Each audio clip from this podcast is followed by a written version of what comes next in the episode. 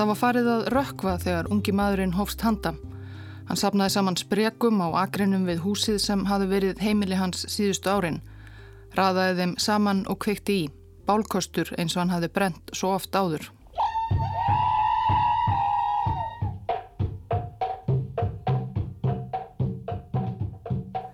Á meðan eldslogarnir tegðu sig upp til myrkvaðs himinsins steg ungi maðurinn dans í kringum eldin, ring eftir ring og kyrjaði og söng. Hann dansaði hraðar og hraðar, snerist í kringum eldin og kyrjaði herra, en þetta var ekki gleðidans. Ungi maðurinn hugsaði um skógin, þar sem hann hafði lært þessa söngva og lært að hlaða bálkostin og stíga dansbórin, skógin sem hafði einu sinni verið honum allt. Nú var hann langt frá skóginum og með hverjum deginum, hverjum andadrættinum fjarlæðist hann skógin meira og meira. Þegar nóttin færðist yfir skreið ungi maðurinn upp á hlöðulofti þar sem hann gisti við og við. Þar hafði hann falið skambissu sem hann hafði komist yfir og áður en dagaði hafði hann tekið upp bissuna og skotið sig í hjartað. Loksins geti hann snúið aftur í skógin.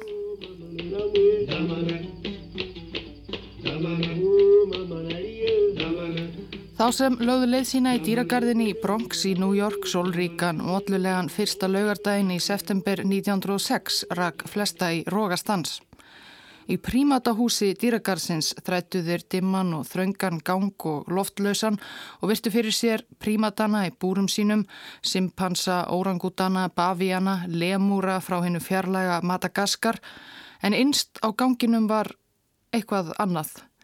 Í instabúrinu satt Vera í kvítum buksum og léttum kakijakka á stærð við stálpaðan dreng, svört á hörund. Þetta er engin api, er það. Þetta er maður, pískruðu dýragarsgestir Stein Hissa. Og fyrir utan búrið á skildi. Afríski pygmíin Óta Benga. Aldur 23 ár, hæð 150 cm, þingd 47 kíló. Fluttur hingað frá Kasai-fljótinu í frírikinu Kongo með Afriku af doktor Samuel Werner. Sýndur hvert síðdegi í september.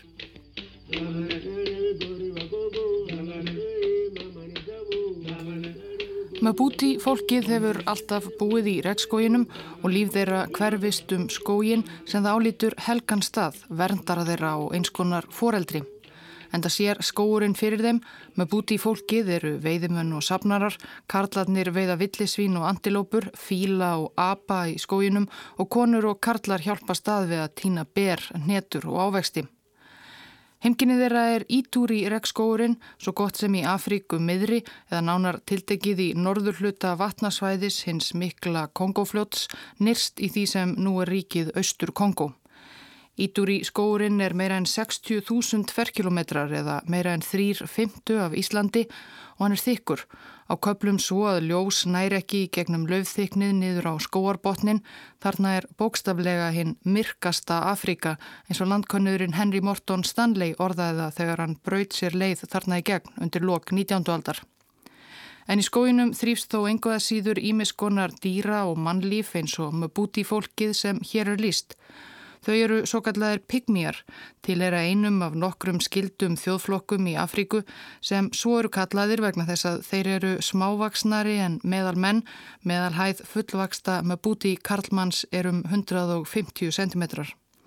Að öðru leiti eru pygmýjar ekki eftirbátar annara mannskeppna um neitt, þó svo að útlitt þeirra og frumstæðir lifnaðarhættir að einhverja mati hafi löngum gefið utan að komandi átillu til að telja þá óæðri öðrum mönnum en í afrísku regnskóunum eru pygmíjarnir, slingir veiðimenn sem kunna að lifa á landsins gæðum, sko engir aukvisar, svo lengi sem þeir fá að vera í friði og svo er ekki alltaf.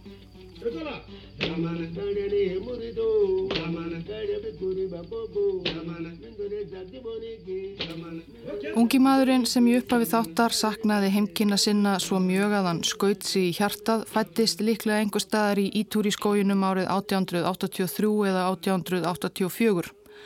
Það var einmitt um það leiti 1884 sem nokkrir evróskir potentátar á ráðstefnu í Berlín ákváðu að ítúri skóurinn mikli skildi framvegis teljast eign eins þeirra konungs Belgiu Leopolds annars.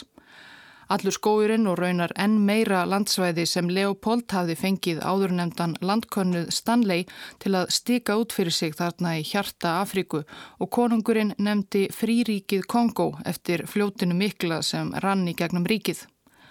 Sagan af óheiðarlegum landvinningagjörningum Leopolds konungs og óstjórn hefur áður verið rakinni í ljósi sögunar í fyrsta þætti af þremurum sögu Kongo. Ekki frekar en aðrar þjóðir sem þá byggðu Kongo vorum að búti í pygmíjarnir í Ítúriskói ekki spurðir sérstaklega hvort þeir vildu gangast belgakonungi á hönd. Í heimkinnum þeirra í skójunum var svo sem fátt sem bendi til belgískra yfirráða fyrstum sinn. En um margra ára skeið höfðu herjað á Pygmíana og aðra íbúa ítúri skóar og nágrennis arabískir þrælasalar frá Sansibar sem fóru um með viðurstikilegu ofbeldi og heimtu unga menn og konur til að selja á þrælamörkuðum.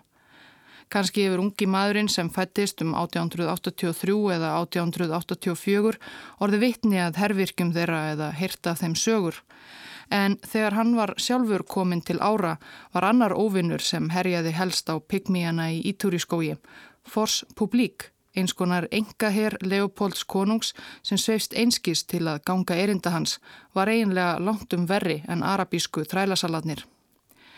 Efnahagur fríríkisins hverðist um að innfættir skiluðu af sér sem skatti öðlindum landsins í kistur konungs. Ekki síst voru það fílabein og verðmætur safi gummitrésins til þess að innheimta þennan skatt.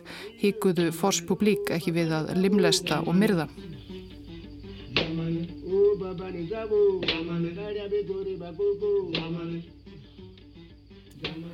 Við vitum ekki mikið um fyrirluta æfi ungamannsins með vissu. Honum gafst aldrei gott færi á að segja sögu sína sjálfur og frásagnir annara eru óræðanlegar. En samkvæmt þeirri frásögn sem einna oftast er sögð, gifti hann sig ungur eins og síður er meðal þjóðar hans. Giftingar með bútja fara þannig fram að vonbiðill veiðir antilópu og gefur hana foreldrum brúðarinnar og hann var orðin tvekja barna faðir um tvítökt um 1903 eða 4. Við vitum ekki eins og með vissu hvað hann hétt fullu nafni en síðar á æfinni var hann kallaður Óta Benga. Óta Benga var af flestu að dæma fær veiðimaður og samkvæmt þeirri sögu sem oftast er sögð var hann úti á fílaveiðum dag 1 um 1904. Þá hefur hann verið um tvítökt. Kona hans var heima í löfkofanum með börnin þeirra tvö. Það var þá sem Hermann Fors Publik réðust á heimkynni þeirra eflaust í leitað fílabeini eða gúmíi eða einhverju öðru að græða á eða bara einhverjum til að refsa. Hermannir myrtu konu hans og börnin tvö og ófá önnur skildmenni og óta benga þegar hann snýri aftur af fílaveiðunum í rjúkandi rústir heimkynna sinna var hneftur í hald Hermannana. Þeir fluttu hann svo, segir sagan, langa vegalengt til suðurs.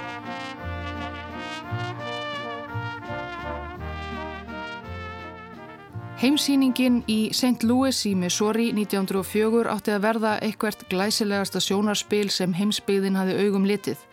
Tilefnið var að halda upp á að rúm 100 ár voru síðan bandaríkinn keiftu umtalsverðan hluta norður-ameríska mainlandsins af frökkum og sína um leið hvaða stórveldi bandaríkinn voru orðin. Miljónum var variði að byggja upp 5 ferkilometra síningarsvæði þar sem rísu á annað þúsund nýbygginga.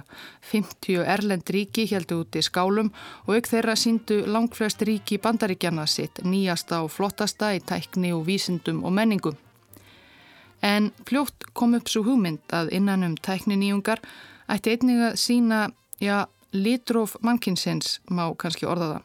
Á heimsýningunni í París aldamóta árið 1900 höfðu evrósku nýlenduveldin flutt inn frumbyggja frá landsvæðum sínum í Afríku og Asíu og haft á til sínis í umhverfi sem átti að líkjast heimahögum þeirra. Bandaríkjaman vildu auðvitað Olmir hafa til sínis frumbyggja frá nýjum yfiráðasvæðum sínum eins og Guam, Puerto Rico og Filipsegjum auk ímissa þjóðflokka norður-amerískra frumbyggja eða indjána. En metnaður skipuleikjanda var fljótt enn meiri.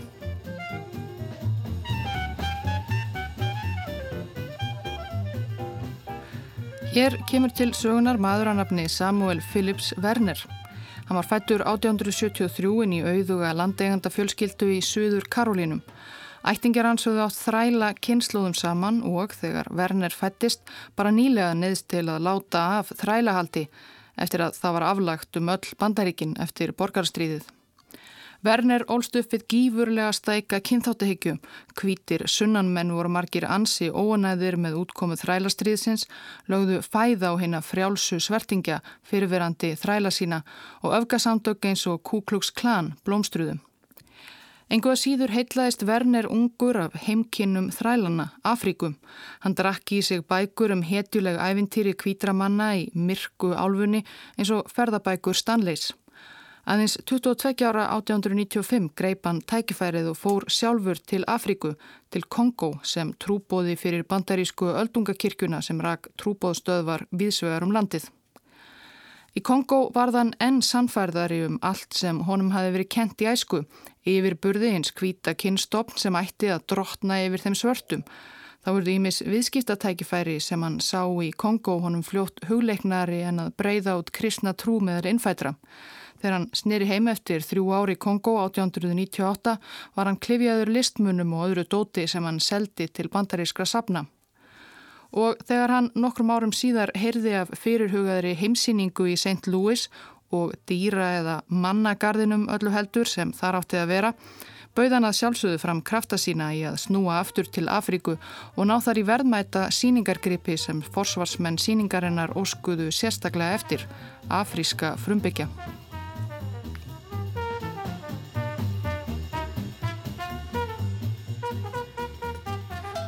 1903 lagði Samuel Phillips Werner því af stað til Kongo í annaðsinn. Hann var með sérstakt verkefni frá skipulegjendum heimsýningarinnar að snúa aftur með merkilegar sjálfsíðar skeppnur. Það er allra frumstæðustu sem getur sínt svart á kvítu hversu langt kvítir bandarækjamenn höfðu komist á þróunarbrötinni. Afríska Pygmía.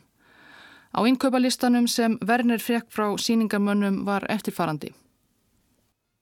Einn Pygmíaöldung eða höfðingja eina fullorna konu helst ein konu öldungsins, tvö unga börn, fjóra pygmija til viðbótar, helst fullorna en þó unga, en líka seðkonu og seðkarl eða töfralækni, helst aldraðan. Ekki var tiltekið sérstaklega hvernig Werner ætti að bera sig að því að útvega þetta fólk og koma því á heimsýningarsvæðið í St. Louis.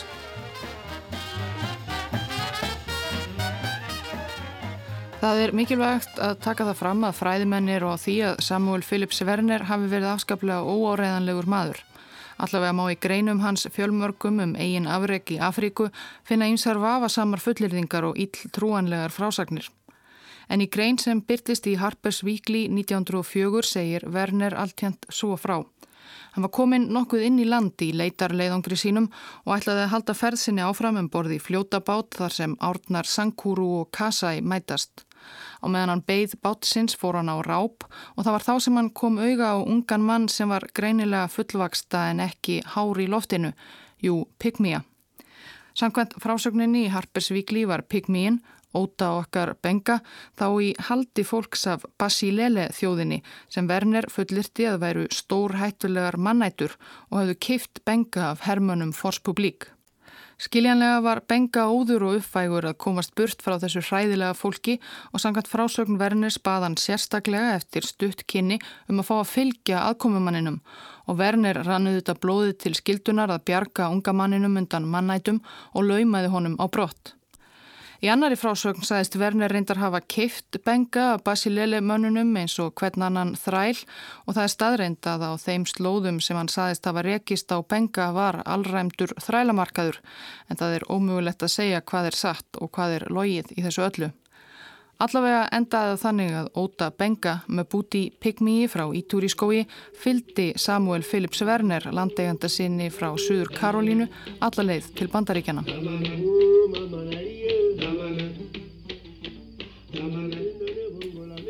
Werner tókst svo að útvega með einhverjum leiðum fjóra pygmija til viðbútar, allt unga karlmenn, engar konur, unga börn eða töfralækna eins og innkaupalistinn hvað áum og fimm venjulega kongómenn í eðlilegri hæð.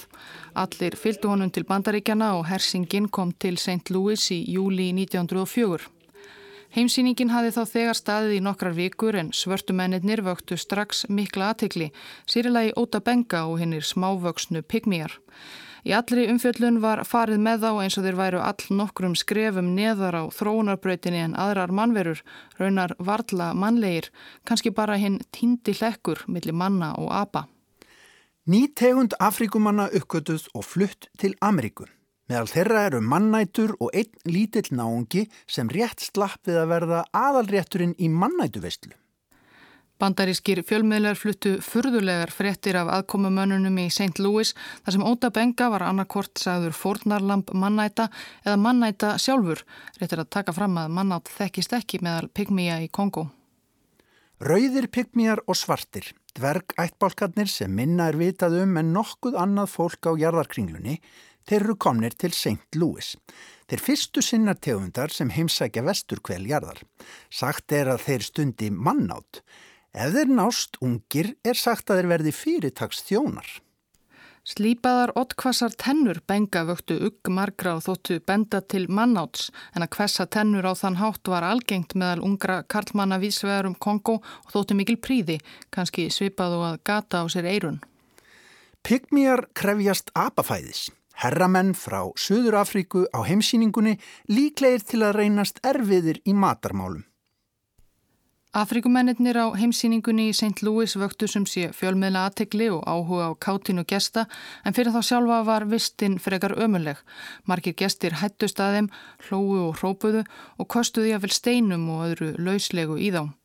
Kongomennir höfðist við í tjöldum á síningarsvæðinu og þegar leið á sumarið var mun kaldara en þeir áttu að venjast frá heimahögum sínum. Þó máttuður ekki klæðast öðru en sínum hefbundna fatnaði, lenda skílum og álíka því gestir voru ju ekki komnir til að sjá afríska frumbyggja í evróskum klæðnaði.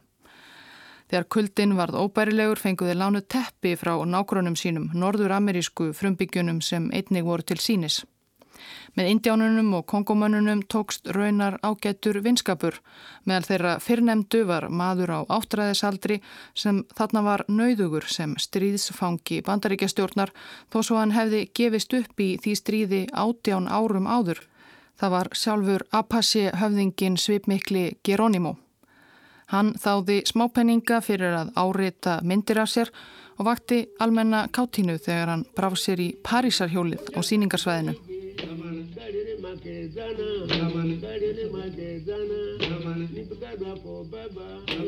Heimsýningunni miklu í St. Louis 1904 laug 1. desember með verðlunafhendingu fyrir bestu skálana og uppákomurnar.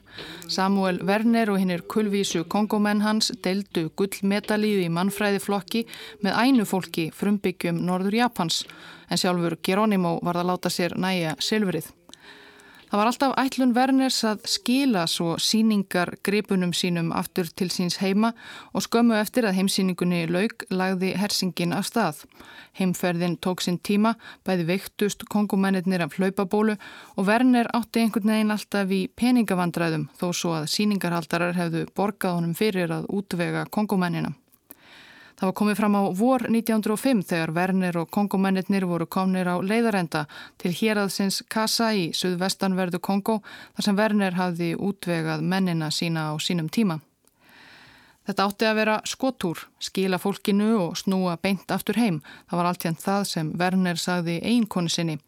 En hann dvaldi miklu lengur í Kongo í þetta sinn, næri eitt og hálft ár. Sem fyrr stóðst fæst sem hann sagði og áframátti Werner í peningabastli og var það harka til að eiga fyrir farmiðanum aftur heim. Hann tók þá meðal annars að sér að hjálpa bandarísku mannfræðingi Fredrik Starr að kortleggja og ljósmynda þjóðflokka Kongo. Við það nutuði reyning aðstóðar Óta Benga. Það er mynd af Benga í bók Starrs Kongo Natives. Hann er strákslegur, skælbrósandi með sínar kvössu tennur. Flestir aðrir sem myndaðir voru fyrir bók Stars eru ekki eins gladlegir að sjá en það ástandið fyrir frumbyggja landsins á þessum tíma orðið ömurlegt undir ábeldisfullri óstjórn belgakonús. Margir á myndunum eru raunar með þungar keðjur um hálsin og lása, greinilega þrælar.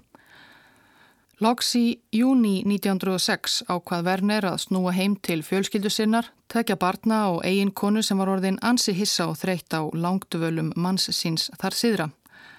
Hann hafði með sér um borði í skipið heim tvo simpansa og af einhverjum ástæðum sem við vitum ekki alveg sildi Óta Benga líka með honum aftur til bandaríkjana.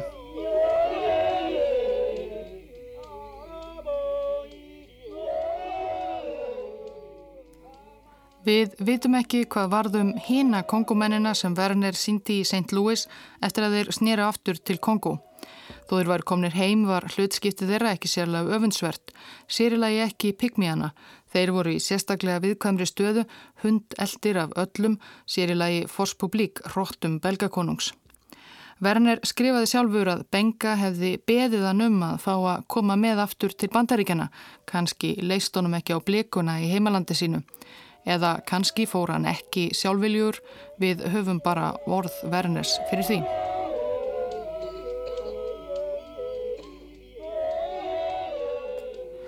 Næsti kapli í lífi Pygmíans Óta Benga hófst 30. júli 1906 þegar hann kom á Sant Werner og Simpönsunum tveimur til hafnar í Ellis Island á New York.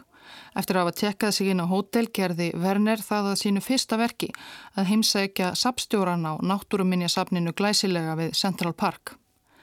Við Hermon Bumpus, professor í lífræði og sapstjóra, kynnti Werner sig með miklum tilþrifum sem vísindamann og landkonnuð, sérfræðingi frumbyggjum Kongo og gerði mikið úr gullmedalíunni sem hann hafði unnið á heimsýningunni. Hann saðist sitja á miklu magni afrískra muna sem hann vildi selja sapninu en fyrst þyrti hann að sinna erindum í St. Louis. Gæti sapstjórin ekki náðarsamlegast gætt fyrir hann á meðan tvekja simpansa og eins afrísks pygmía. Bumpus skrifaði síðar að vissulega hefði honum þótt Werner undarlegur maður við fyrstu kynni en af einhverjum ástæðum fjálst að ná að taka simpansana og óta benga í vörslu sína á meðan Werner skrippi til St. Louis. Bara ekki degran. Voru helstu fyrirmæli Werners til sapstjórans um umönnun kongumannsins. Reynsla mín af kynstofni hans er að það sé auðvelt. Ég reynir þó að vera alltaf vingjarlegur við hann.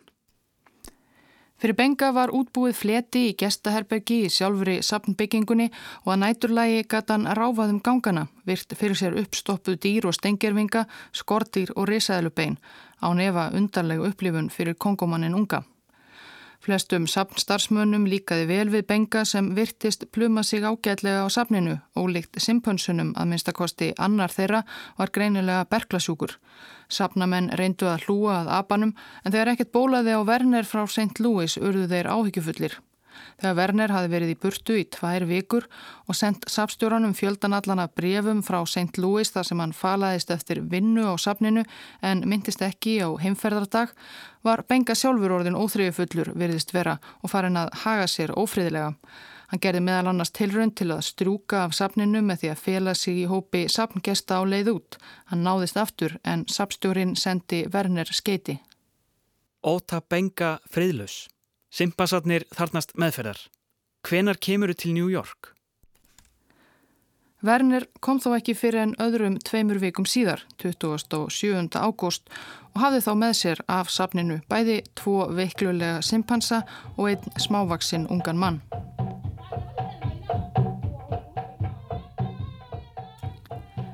Strax daginn eftir hjælt Samuel Phillips Werner á fund Williams Temple Hornaday sem rak dýragarðin í Bronx, stærsta og fjölbreytasta dýragarð heims á þessum tíma. Werner hafi sagt dýragarðstjóranum að hann vildi ræða tvo simpansa í sinni eigu sem hann vildi gerðnan fá geimta í dýragarðinum í einhver tíma. Tónlist í eirum Hornadays, simpansar endurgjaldslaust. En þegar Werner mætti á fundin var hann ekki bara með simpansana tvo meðferðis, líka ungan svartan mann.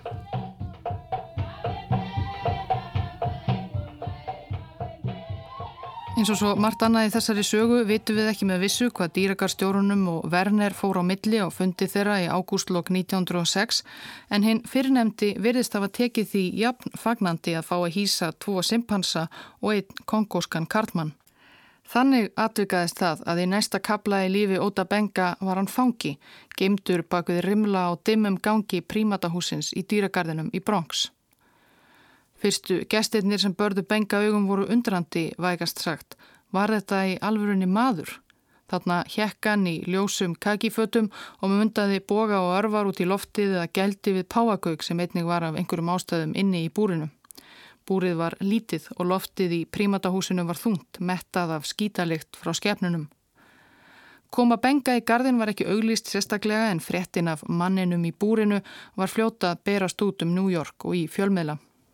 Búskmaður deilir búri með öpunum í Bronx. Sumir hlæja af uppátækjumans en aðrir eru óánæðir. New York Times um nýjustu síninguna í dýragarði borgarinnar sunnudaginn 9. september 1906. Manneska þessi er búskmaður. Af kynstofni sem vísindamenn setja ekki ofarlega á hvarða mannlegar þróunar. Óta Benga, sem profesor Samuel Werner, landkönnuðurinn, kom nýverið með til landsins frá frumskóum mið Afríku. Um þrjú til 500 manns fyldust með litla svertingjanum hverju sinni stitta sér stundir. Hann er ekki hrifin af mannfjölda, sérstaklega ekki börnum sem stríðunum.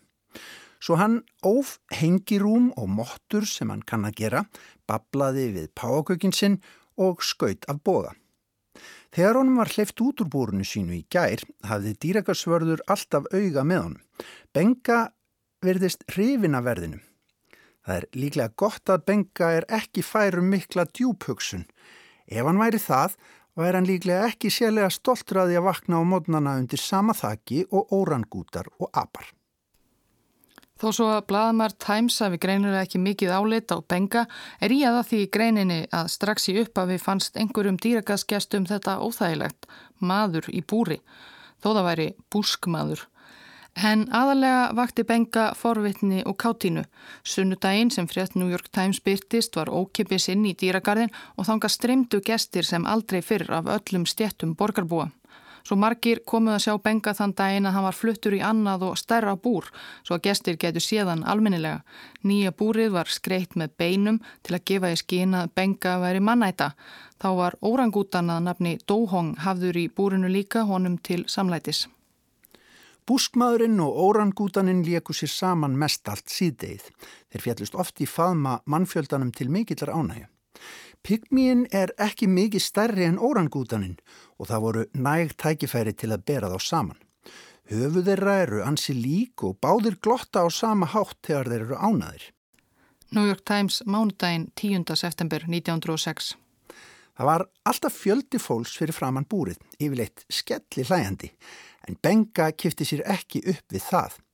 Hann er orðin vanur hlátri fjöldans. Ef hann veltir fyrir sér hvers vegna þau hlæja, sínir hann það ekki. Í sömu bladagrein svaraði Hornadei dýragarstjóri gaggrinni og saði að príðis vel færi um Benga í búrinu. En þennan mánudag var ekki öllum gestum hlátur í hug. Í mannfjöldanum var hópur klerka, þungavíktarmanna og helstu blökkumannakirkjum borgarinnar. Sambúð kvítra og svartra í New York hafi verið sérstaklega styrð undanfarin misseri og það var ekki til að bæta ástandið að sína svartan mann í dýragarði eins og skinnlausa skefnu.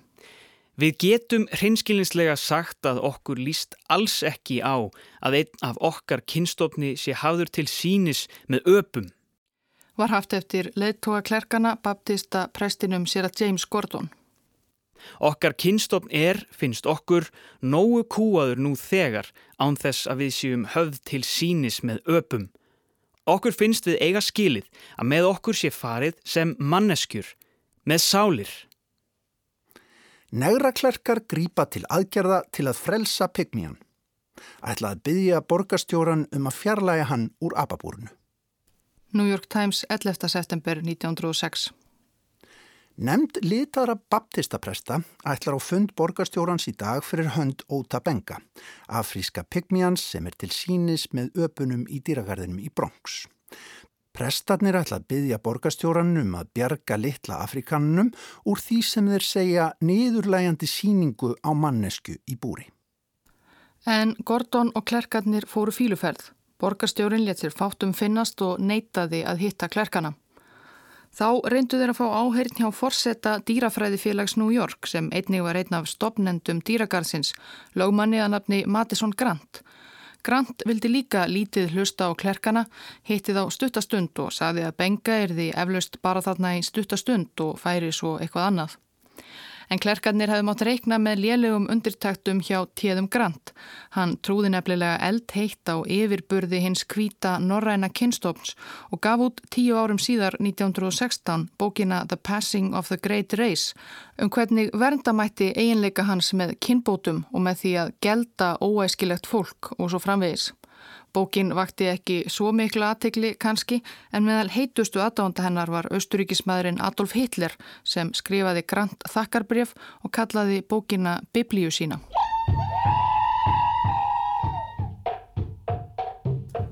Klerkarnir ætluð þó ekki að gefast upp og fengu til liðsvið sig einn fremsta svarta lögfræðing New York, Wilford Smith og byrjuði að leggja drögað mótmælafundum og lögsóknum fyrir hönd Óta Benga.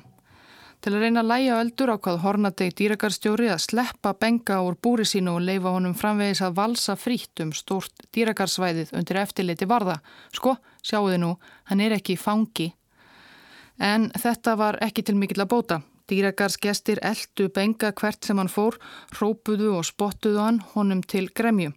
Benga var sífælt viðskota verri og erfiðar að hafa heimil á honum. Hann sparkaði og beiti í dýragarsverði og gesti sem öppuðust upp á hann. Í yngabrjöfum kvartaði Hornadei sáran undan hegðun Benga en saðist þó aldrei ætlað að lúfa fyrir negra klerkum sem voru bara á eftir bladaumfjöllun eins og hann orðaði það. Hann reyndi líka að hafa samband við forráðamann Benga ef svo máð orði komast Samuel Werner. Drengurinn er orðið nokkuð óviðræðanlegur, hlýðir ekki dýragarsvörðum og streytist á móti. Held að sé óskinsamlegt að við refsum honum. Kondu eða ringdu. Hornadei stílaði skeiti þetta og hótelið á Manhattan þar sem hann taldi Werner dvelja en hótelið svaraði tilbaka að Werner væri farin til Norður Karolínu. Hann var á flóta undan lánadrótnum en af öllu að dæma líka döð fegin að vera laus við óta benga.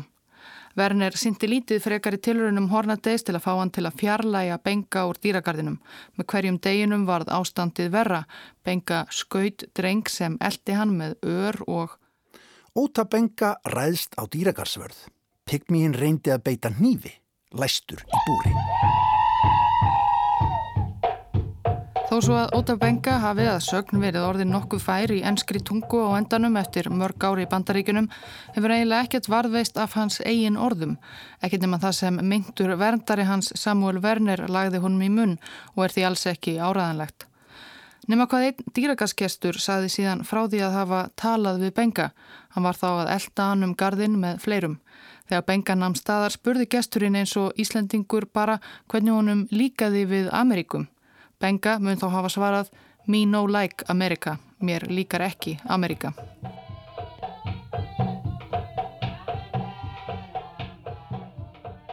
Loks 28. september 1906 eftir að Benga hafi verið til sínis í dýragarðinum í Bronx í 20 daga eftir 20 daga stöður í fjölmjöla umfjöllun, hótunum svörtu klerkana og met aðsókn í dýragarðin þá loks dúkaði Samuel Werner aftur upp. Hann fyldi þá pigmeanum sínum út úr dýragarðinum án mikillar viðhafnar og ferill óta benga sem síningarskeppnu var á enda. En Werner var búinn að finna annan sagleysingja til að taka vandræða gemlingin að sér, svarta baptistaprestin sem hafi barist hvað mest fyrir því að hann erði látin laus, James Gordon. Sér að Gordon rak á samt fleiri kirkunarmönnum munaðleysingaheimili og skóla fyrir svört börn í Brooklyn með betri mentastofnunum sem þeim bauðst í borginni á þessum tíma. Þar var Óta Benga nú komið fyrir. Hann var auðvitað þó hann væri ekki hári í loftinu fullorðin kartmaður, 22 ára þarna líklega en ekkert barn. Hann fekk sitt eigið herbergi á heimavistinni og borðaði í eldhúsinu með matsveinunum en sótti kennslustundir með börnunum. Haftir eftir sér að Gordon í bladaviðtölum að honum hafi strax litist vel á benga, skarpur ungur maður og hann gerði til hans miklar vendingar. Þegar hann væri komin með góð tökka á ennskunni vildi hann setja hann í trúbóðaskóla. En benga var tregur til náms. Hann var auðvitað löngu komin af skólaaldri. Hann lærði einhverja ennsku í skólanum og komst upp á lag með pípurreikingar en honum fór fljótt að leiðast og sumarið 1909 straukan úr skólanum og réð sig í vinnu sem hestasvein á Bóndabæ í Long Island undir nafninu Otto Bengal. Hann fekk 10 dollara í laun á mánuði. Það skipti hann máli því þarna var hann farin að sapna. Hann ætlaði að kaupa sér farmiða heim til Kongo í skóin.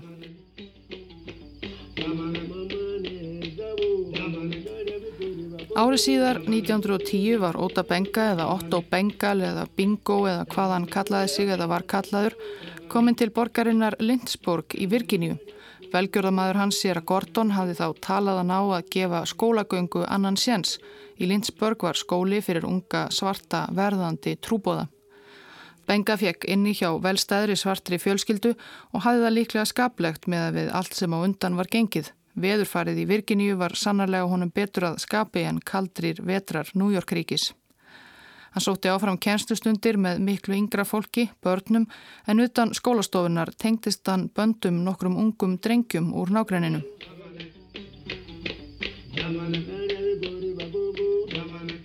Hann fór með þá í leiðangra út í skóa Virginíu og kendi þeim það sem hann hafi sjálfur gert alla sína æsku að sapna sveppum og berjum, hlaða bálkjasti, tálka örvar og verkværi og veiða smátýr. Saði Agdofa drengjunum sögur á sinni takmörkuðu ensku af því þegar hann veitti fíla í skóginum heima. Þegar nágrannar hans fóru á villigalta veiðar var hann fremstur í flokki og verkaði dýrið að veiði lokinni af stakri kunst. En að verða mentamaður eða trúbóði var ekki lengur á dagskrá kongumannsins. Hann helt áfram að sapna peningum til að komast heim í skóin. Eftir nokkur ár inn og út úr skólanum gafst hann aftur upp. Þetta var ekki fyrir hann. Hann fekk vinnu í tópaksversmiðu í Lindsburg. Þar var hann líka dáður af vinnufélögum fyrir að geta klifrað upp um alla veggi. Hann þurfti aldrei stiga og sögur sínar af fílaveiðum og spennandi skóarlífi. Óta Benga var þrítugur rúmlega starfsmæður í Tópasversmiðu í Lindsborg þegar fyrri heimstyrjöldin braust út 1914. Þegar leið á stríðið röskuðust ferðir farþegarskipa heimsálfana á milli allverulega og lögðust nær alveg af. Það var sama hvað hann sapnaði miklu fyrir fargjaldinu, það sildu engin skip. Draumur Benga um að snúa aftur í skógin varð allt í einu ómögulegur.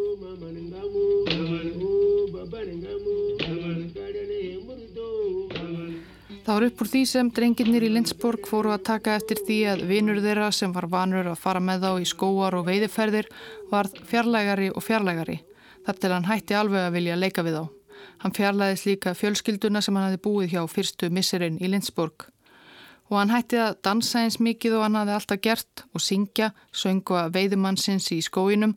Nú söngan frekar negra sálm sem hann hafi lært í kirkjunni, ég trúi að ég sé á leið heim Fadir, viltu ekki hjálpa mér? Svo var það vorið 1916 sem Óta Benga gafst alveg upp.